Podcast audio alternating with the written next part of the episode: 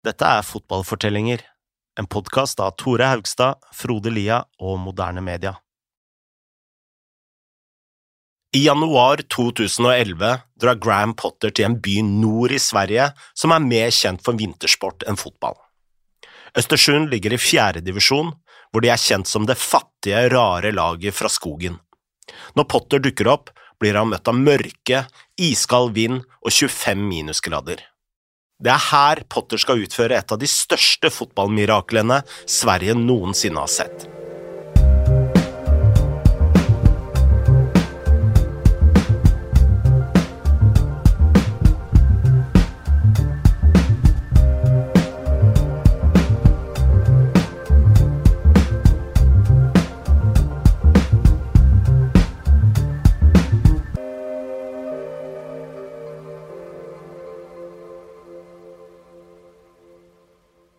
Det er noe spesielt at en svensk klubb på nivå fire skal hente en ukjent engelskmann som kun har jobbet med studenter. Men så hører det med til historien at Østersund hadde en meget spesiell styreformann. Han het Daniel Kindberg, og før han tok over klubben, hadde han vært i militæret i Bosnia og Kongo som både løytnant og stridsvognkommandør. Senere hadde han begynt med eiendom, før han hadde blitt en av de mest ambisiøse skikkelsene i svensk fotball. For å vite mer om denne fyren har vi snakka med Per Boman. Han er fotballreporter i Aftonbladet og har skrevet en rekke reportasjer om Østersund. Før vi snakka med Per, hadde vi jo forstått sånn cirka hva slags type Kindberg var, så vi spurte var ikke Kindberg litt sånn eksentrisk? Minst sagt eh, excentrisk. Eh, en av de mest drivna människorna som jag har eh, träffat i svenska fotbollssammanhang. Och så vet vi ju alla att ja, med, med domare och sådär att, att inte alltid då ska ha varit på, på lagens rätta sida i alla sammanhang. Men som fotbollsideolog liksom, och fotbollsledare så präglas han framför allt av en, en vilja att göra det omöjliga. Alltså att skapa en, en framgångsrik fotbollssatsning i en stad som överhuvudtaget inte hade några förutsättningar för det. Eh, och det krävs ju en järnvilja då. Det krävs att man utnyttjar alla resurser till max och att man bygger mycket kontakt överallt. Och det var han ju väldigt, väldigt bra på. Och det var ju också därför han lyckades eh, få en sån som Graham Potter till, eh, till svensk fotboll. Kinberg var typen som alltid hadde en historie på lur, om det var fra Kongo eller Sverige. Per fortalte oss at Kindberg visstnok hadde blitt kidnappa en gang, så dette måtte vi jo selvfølgelig spørre mer om.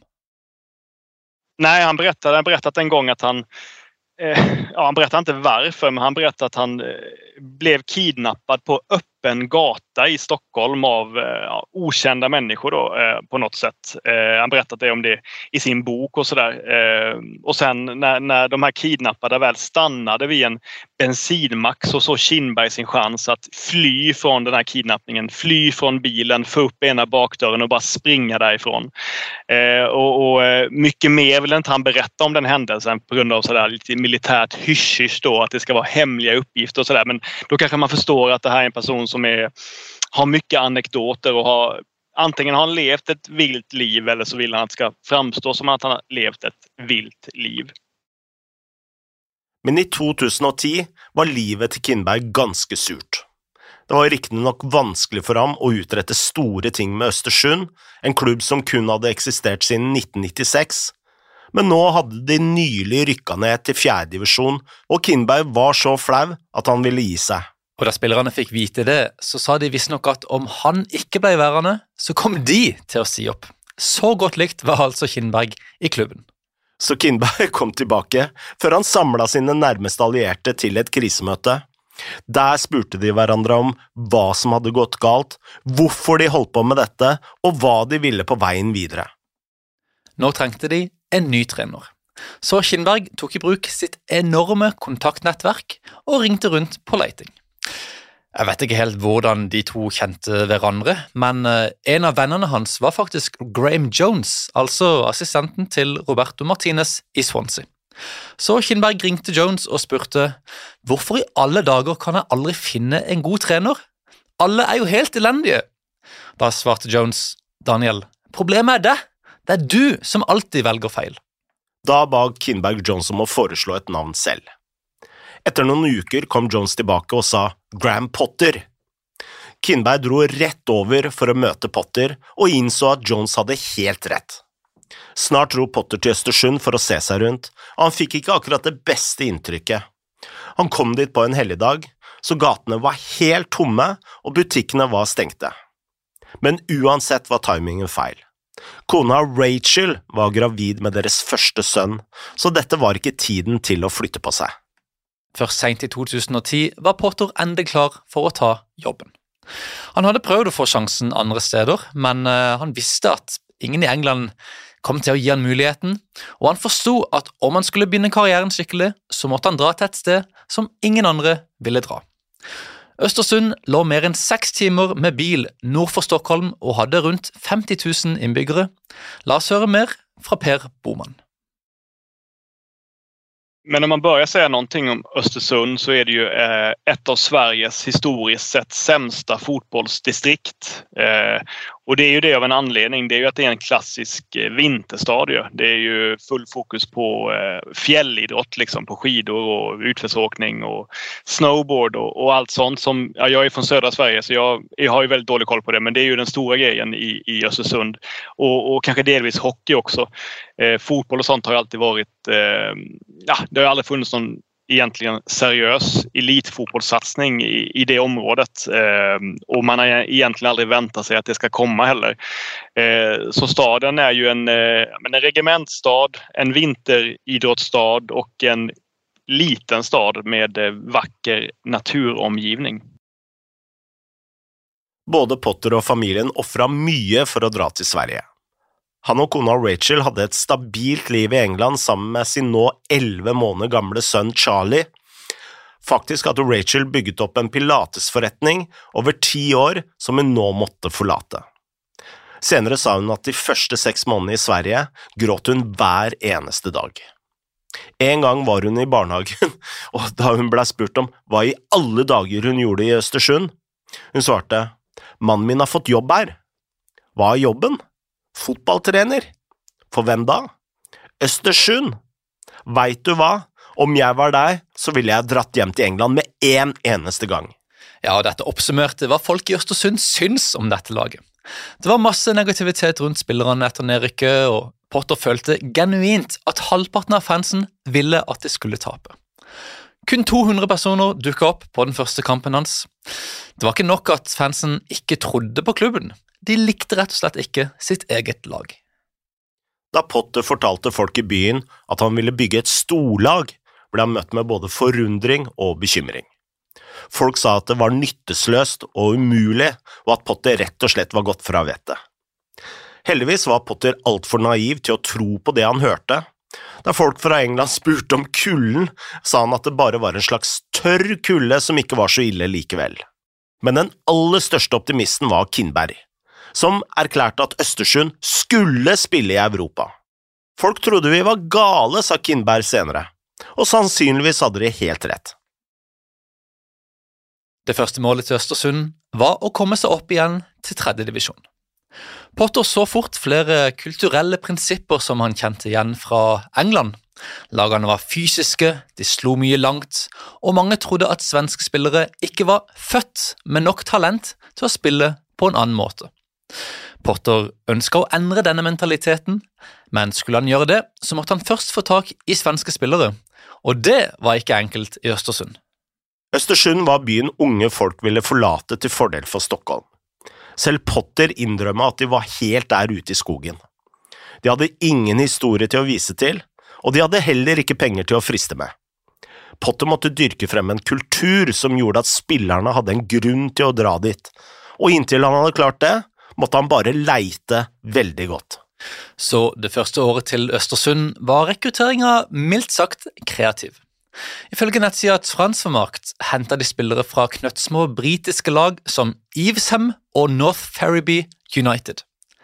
Midtstopperen Juanjo Ervias kom fra La Muela, et lag fra en landsby utenfor Saragosa som hadde rykka ned til spansk fjerdedivisjon og så kollapsa. Og Hvordan de henta disse spillerne og fant ut av dette, det, det vet jeg virkelig ikke. Østersund henta også en ving som het Troy Pennicook Morgan fra Sheffield Uniteds U18-lag. Og alt dette disse spillerne hadde til felles, var at de var villige til å ta sjanser på banen og gjøre feil. Potter hadde en teori om at om spillerne koste seg, så kom fansen til å gjøre det samme. Så fort spillerne var på plass, brukte Potter leksjonene han hadde fått da han studerte ledelse og emosjonell intelligens. Han refererte tilbake til offiserene i militæret og kirurgene han hadde møtt på studiene. Der gjaldt det å ikke skylde på hverandre om noen gjorde feil, da det tross alt handla om liv og død. Han ville dyrke frem toleranse, empati og forståelse.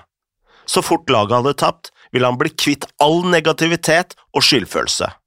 Miljøet han selv hadde spilt i, skulle ikke få lov til å slå rot i Østersund. Dette førte til et langt sunnere og sterkere lag. Spillerne merka fort at Potter faktisk brydde seg om dem som mennesker, og at han var mer opptatt av å bygge dem opp som personer enn som fotballspillere.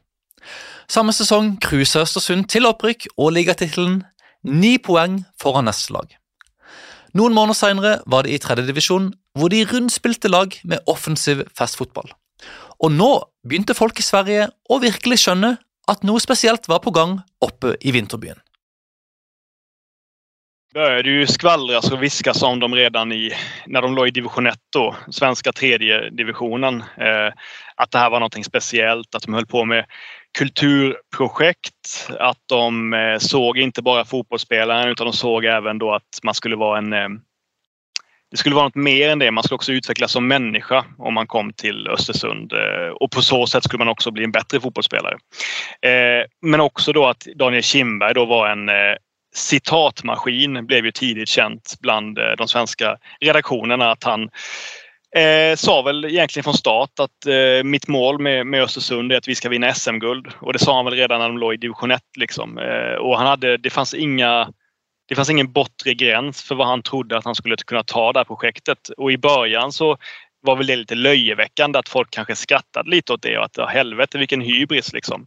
Men hela tiden lyckades de ta nya steg och ta sig längre och längre fram. Och det viskades och snackades mycket om att de spelade en helt annorlunda fotboll också än vad vi var kanske vana vid i Sverige. Det är inte så att Sverige är någon att man bara spelat, spelade köttarfotboll i Sverige för 5-6 år sedan och 4-4-2. Så är det ju inte. Men det viskades och snackades om att Graham Potter var någonting alldeles extra med sin med hur han disponerade laget taktiskt, vilken typ av spelare han satsade på, vilken typ av fotboll de spelade. Så att det fanns en, det fanns en stor, stor förväntan på Östersund. Per nevner jo her kulturprosjekter, og dette var noe Østersund skulle bli veldig kjente for. Både Potter og Kindberg tenkte mye på hva de kunne gjøre for å skape et miljø som skulle føre til gode prestasjoner. En dag fikk Potter en telefon fra en ung dame som mente at kulturelle prosjekter var sunt for atleter. Potter utforska dette mer, og snart starta han og Kindberg det såkalte Kulturakademiet. Ideen var at spillerne og staben skulle begynne på et nytt prosjekt i starten av hvert år. Så skulle de øve på dette i løpet av sesongen, og i november, når kampene var ferdige og sesongen var over, så skulle de fremføre prosjektet foran et publikum. Og dette var ting som teaterstykker, sanger og danser. Spillere som aldri hadde vært på et teater eller på en scene i sitt liv, ble nå tvunget til å gjøre ting de slett ikke kunne. De var flaue, og de ble av og til totalt ydmyka, men det var en idé bak alt dette. Potter ville bygge mennesker med åpne sinn som turte å konfrontere sin egen frykt, og som skulle komme seg gjennom disse utfordringene sammen. Og Kindberg han var helt 100% med på dette. Han sa at alle, absolutt alle som jobba for klubben, skulle delta, og hvis ikke, så ble de sparka. Og da, da han sa dette, så, så, var det ikke lett å si om han virkelig tulla eller ikke. Listen over prosjektet var utrolig. Østersund begynte et teaterstykke som ble fremført foran 500 personer. De starta en bokklubb hvor de diskuterte Dostojevskij. En gang laga de faktisk en bok sammen, hvor hver av dem skrev et kapittel hver om sin egen reise. Men det mest berømte showet kom da de fremførte Svanesjøen, den berømte balletten til Tsjajkovskij. De viste dem fram foran 1000 personer, og som del av dette måtte Potter improvisere en hel dans aleine på scenen. Senere sa han at den opplevelsen hadde vært helt forferdelig. Men Potter gikk alltid først når noe skulle fremføres, selv om han var helt håpløs. En gang sang han Lapplands nasjonalsang på lokal dialekt, eh, og som del av det prosjektet så måtte han også lære hvordan han skulle behandle reinsdyr. Eh, så ved en anledning da, så måtte Potter stå der og svinge en lasso over hodet og prøve å fange et lite reinsdyr. En annen gang fremførte han en rap som var helt grusom, men som fikk Kinnberg til å gråte i ren stolthet. Dette var en klubb som gjorde ting annerledes. Det var ju en stor grej. Alltså det var en stor grej av charmen med Östersund. Det var ju det som gjorde att många internationella medier fick upp ögonen för projektet. Det var ju det, det, var det som tjusade många. Oj, de är också kulturellt intresserade. Liksom. Wow, ett fotbollslag som, som gör teateruppsättningar. Men de gjorde, de gjorde nya satsningar varje år. Ibland var det teater, ibland var det liksom att man skulle måla. Liksom. Alltså de, det, var, det var olika hela tiden och det var ju givetvis jättehäftigt. Och det är en stor att de lyckas få de här ganska osäkra fotbollskillarna att släppa loss och våga uttrycka sig själv konstnärligt på det sättet är imponerande. Liksom. Det var ju, och jag tror absolut att det var att Östersund tyckte det var inte bara en gimmick. Det var inte bara ett sätt att få rubrik utan de tyckte det var viktigt att de här människorna och, spelarna även utvecklades som individer och som människor och inte bara som fotbollsspelare. Eh, och det var det som gjorde att världspressen fick upp ögonen väldigt mycket för Östersund. För att de, de tycker att det var liksom lite quaint, lite roligt. Tänk att de gör det här också. Liksom. Och det får ju även den icke särskilt fotbollsintresserade att... Alltså det var ju, det var ju briljant liksom. Alltså det var en briljant PR-grej också. Det, det, gjorde ju att, eh, att eh, väldigt, väldigt många var intresserade och tyckte om Östersund. Det gjorde att väldigt många eh, sympatiserade med den klubben och var glada för att det gick bra för dem. Kanske inte bland eh, de andra fansen till, till storklubbarna i allsvenskan kanske, men vanligt folk, liksom, de som läste tidningen, de som följer fotboll lite vid sidan. De hade ju vid den här tiden eh, extrem eh, stor kärlek för Östersund skulle jag säga. Per snakka også mye med spillerne til Østersund på den tida. Hva syns egentlig de om kulturprosjektene? En, en, spelare märker ju också vad det är som går hem och säga liksom efter ett tag. Utan de, de var ju ganska pigga på att säga men det, det här känns kul och, och, det, här, eh, det här gillar vi och det här är roligt. Och jag tror att många även trivdes med att göra de här sakerna. I efterhand har man kanske fått höra lite så här om att ja, men det var inte så viktigt egentligen och det var mest någonting som ja, det, det var inte vi älskade inte. Alla kanske inte älskade att vara med på det. Alla kanske inte tyckte att det var det roligaste de visste. Men för klubben var det viktigt och skulle man spela i Östersund så var man tvungen att ställa upp på det helt enkelt. Om man inte ville vara en del av de här sakerna, ja då får man vara i en annan klubb helt enkelt. Så att, eh, och jag tror att väldigt många också tyckte att det var utvecklande och, och roligt. Sen fanns det säkert en och annan som störde sig på det också. Det som er sikkert, er at Østersund fortsatte veien oppover under Potter. I 2012 rykka de opp til andredivisjon på første forsøk, og den andre sesongen sikra de en fin tiendeplass. Snart sa Kindberg at han var en av de beste trenerne i Skandinavia. De neste årene skulle han vise at han hadde helt rett.